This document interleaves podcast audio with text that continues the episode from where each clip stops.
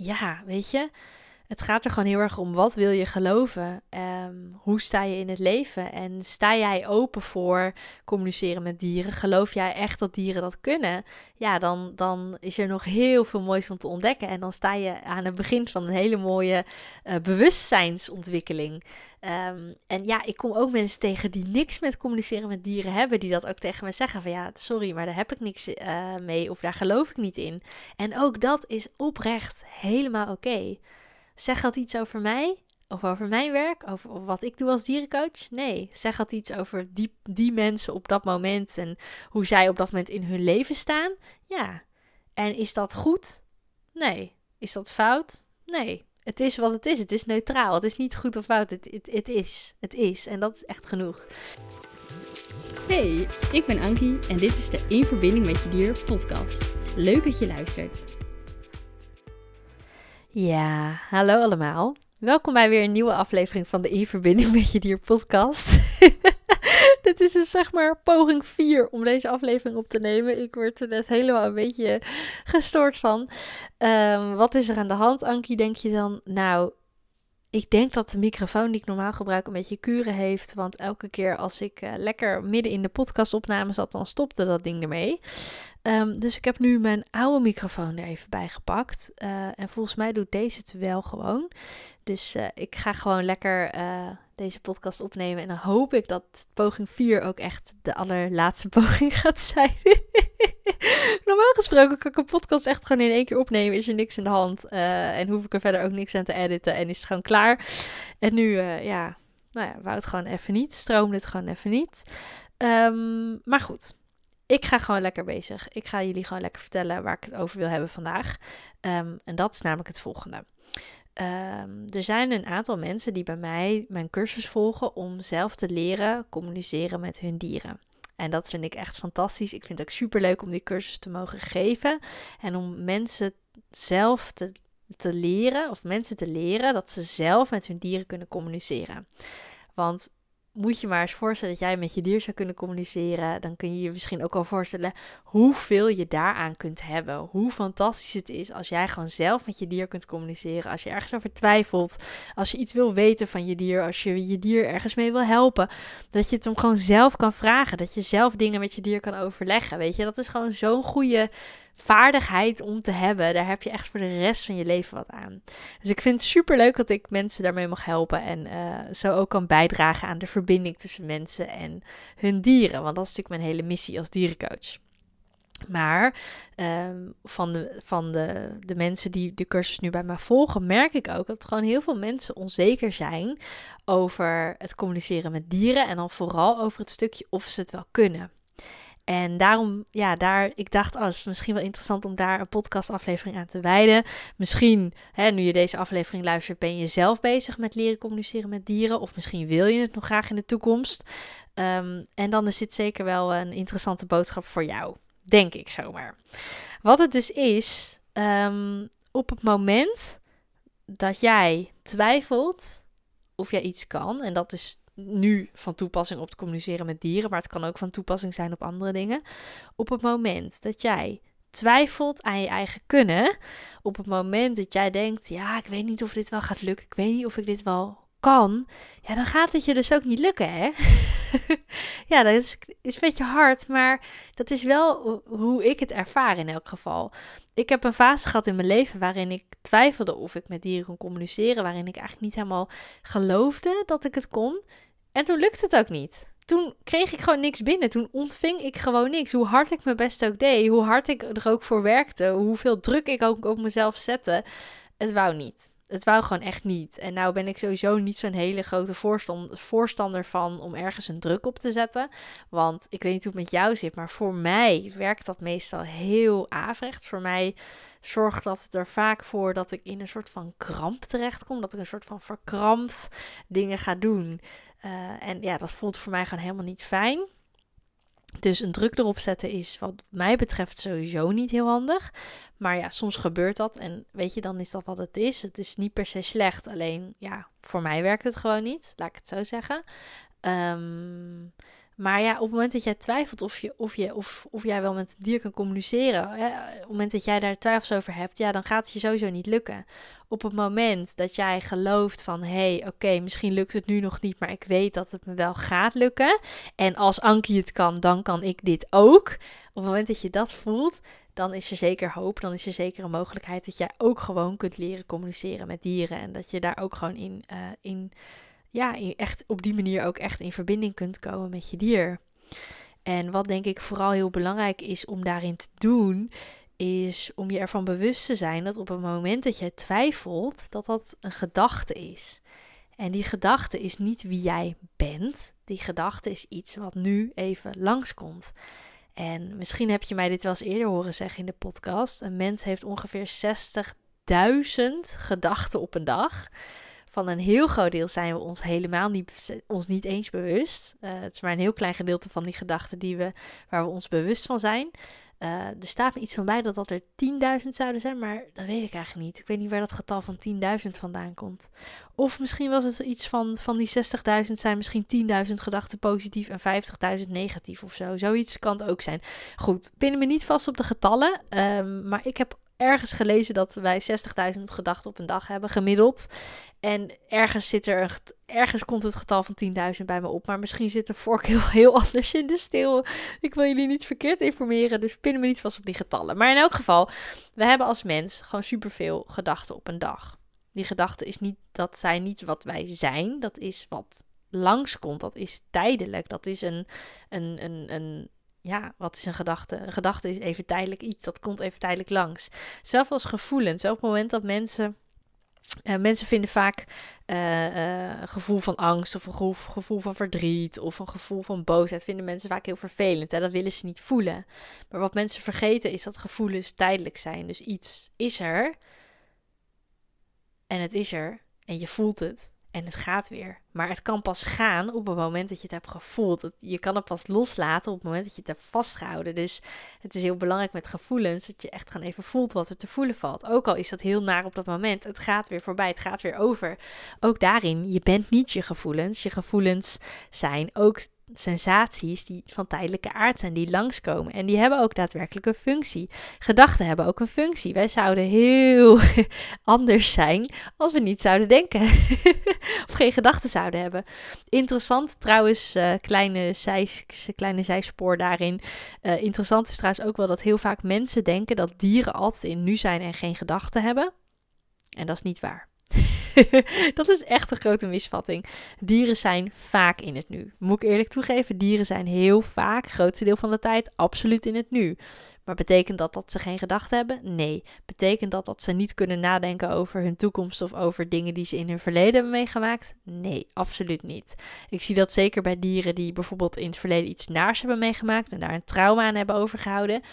Ja, die kunnen daar echt nog wel over nadenken en die kunnen ook hè, wat, wat bij een trauma, wat echt een kenmerk van trauma is, is op het moment dat jij een trauma hebt, uh, dat dat getriggerd kan worden. Dus op het moment dat er iets gebeurt wat jou doet denken aan een traumatische gebeurtenis van vroeger, dan kun je die, kun je die situatie van vroeger weer opnieuw beleven. En dan wordt dat opnieuw bij jou getriggerd. En dat zie ik ook bij dieren die uh, traumatische dingen hebben meegemaakt of die een grote angst hebben meegemaakt. Um, of iets, of een grote angst meegemaakt, die een grote angst ergens voor hebben omdat ze iets naars hebben meegemaakt, die kunnen dan een situatie echt wel even opnieuw herbeleven. Uh, maar tegelijkertijd zijn er ook dieren die bij mij wel eens wensen uiten voor uh, iets wat ze bijvoorbeeld in de toekomst nog graag met hun baasje zouden willen doen.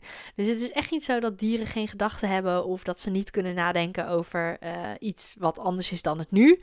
Dat kunnen ze zeker wel.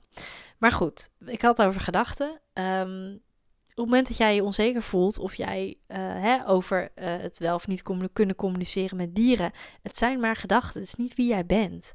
En iedereen heeft een innerlijke criticus in zijn hoofd of een, een ego of hoe je het wil noemen, hè, geef een beestje een naam. En ook dat ego, ook die innerlijke criticus, dat is niet wie wij zijn. Dat is iets wat um, dat is een, dat is een, een, een, een overlevingsmechanisme. En dat klinkt misschien een beetje gek, overlevingsmechanisme. Ankie, wat bedoel je daarmee? Daarmee bedoel ik dat wij, dat ego hebben wij uh, ons dat is ontstaan op een moment dat wij uh, ons ergens in voelden falen of er, ons ergens niet goed genoeg in voelden of ons ergens in afgewezen uh, voelden. Dat ontstaat al als kind. Ehm, en die innerlijke criticus of dat ego, ehm, ja, dat, dat wil je eigenlijk beschermen. Dus dat is gewoon iets wat je hebt ontwikkeld om jou te beschermen tegen opnieuw falen of je opnieuw afgewezen voelen.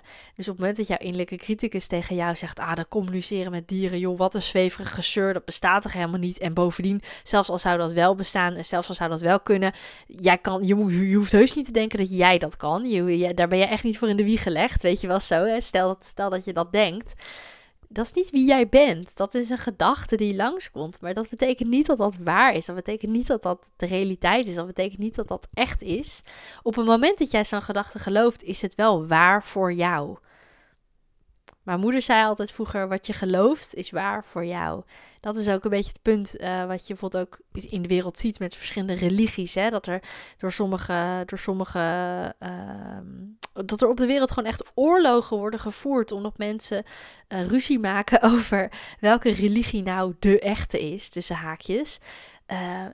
Weet je, iedereen moet gewoon lekker geloven wat hij wil geloven. Wat je gelooft is waar voor jou. Dus kies gewoon wat jij wil geloven. Kies datgene wat voor jou goed voelt, waar jij je prettig bij voelt, waar jij blij van wordt. En ja, dan maakt het mij niet uit of, of je gelooft in, in een god of in een boeddha of in een weet ik wat voor. Ja, geef, geef eh, ook hier, geef een beestje een naam. Weet je, het maakt mij niet uit wat voor, wat voor, in wat voor, of je een religie aanhangt en welke dat dan is. Dat, ja, dat is allemaal oké. Dus um, ja, weet je, het gaat er gewoon heel erg om wat wil je geloven? Um, hoe sta je in het leven? En sta jij open voor communiceren met dieren? Geloof jij echt dat dieren dat kunnen? Ja, dan, dan is er nog heel veel moois om te ontdekken. En dan sta je aan het begin van een hele mooie uh, bewustzijnsontwikkeling. Um, en ja, ik kom ook mensen tegen die niks met communiceren met dieren hebben, die dat ook tegen me zeggen van ja, sorry, maar daar heb ik niks uh, mee of daar geloof ik niet in.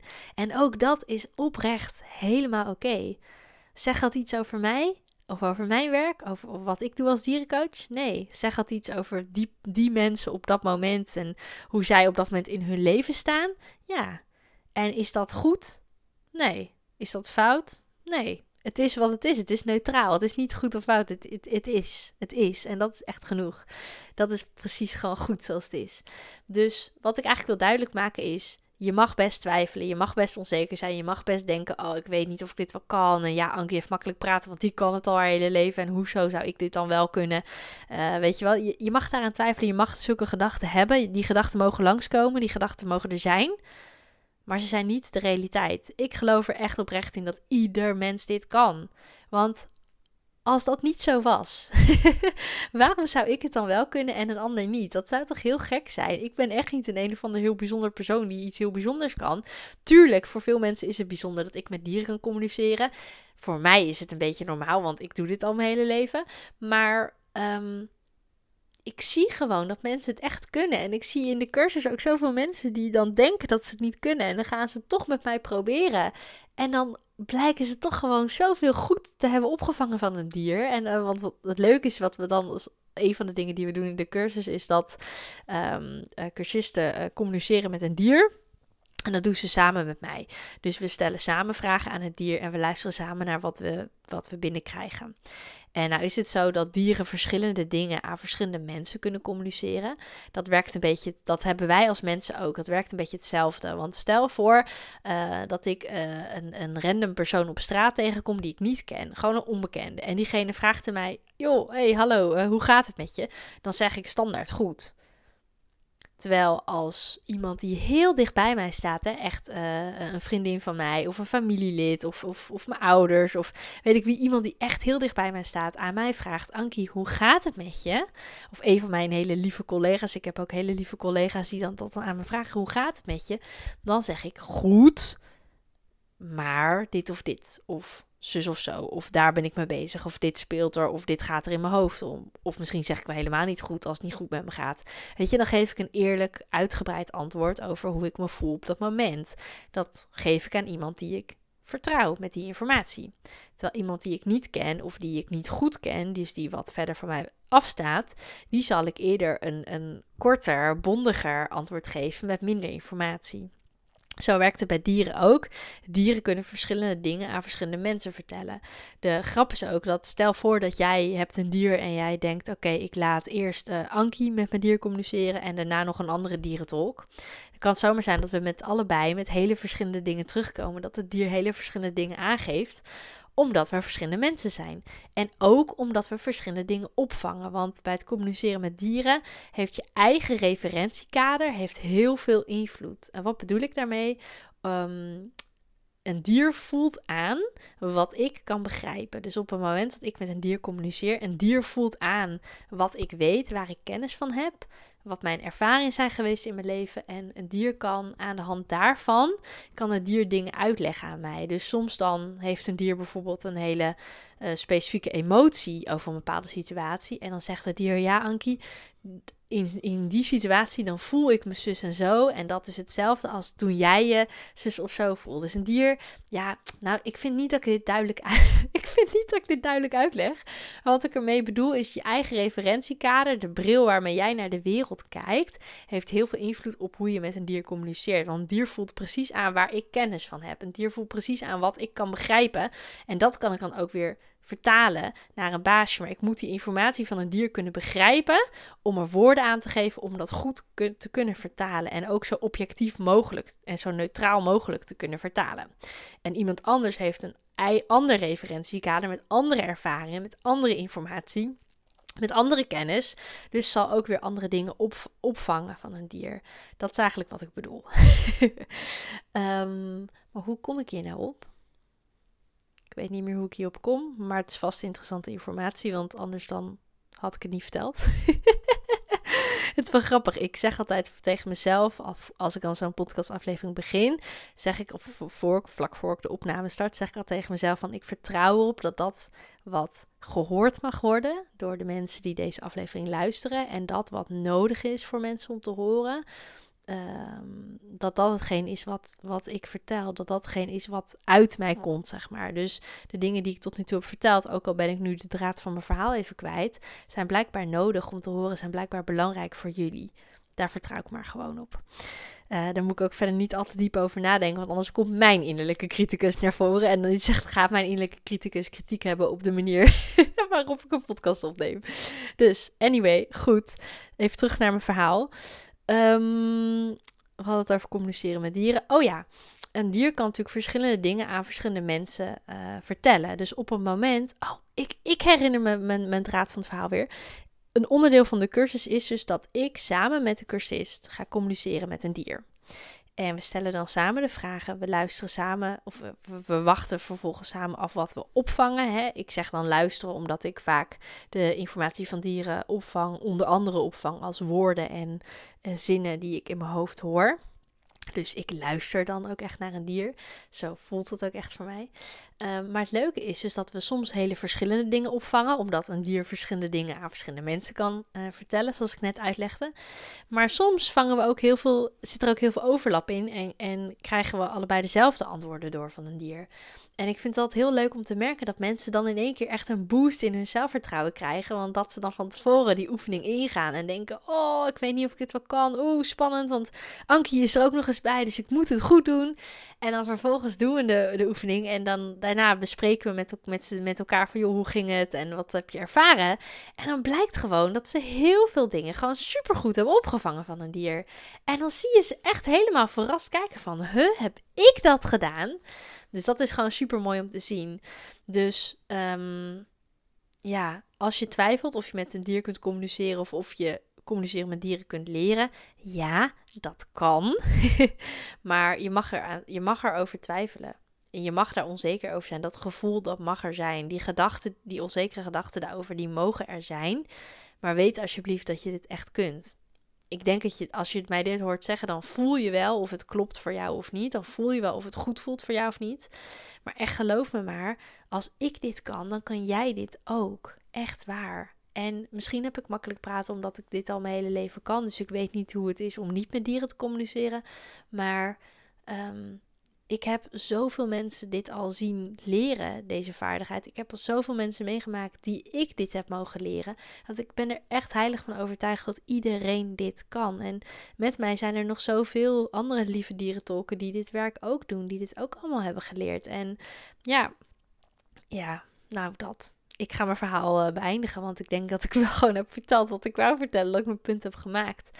Dus uh, dit is hem voor nu. Ik hoop dat je hier wat mee Ik hoop dat je hier wat aan hebt. Als je nou denkt, hey, deze podcastaflevering kan ook interessant zijn voor iemand die ik ken, stuur deze aflevering lekker door. Uh, deel hem gewoon lekker met anderen, want hoe meer mensen uh, dit horen, hoe beter.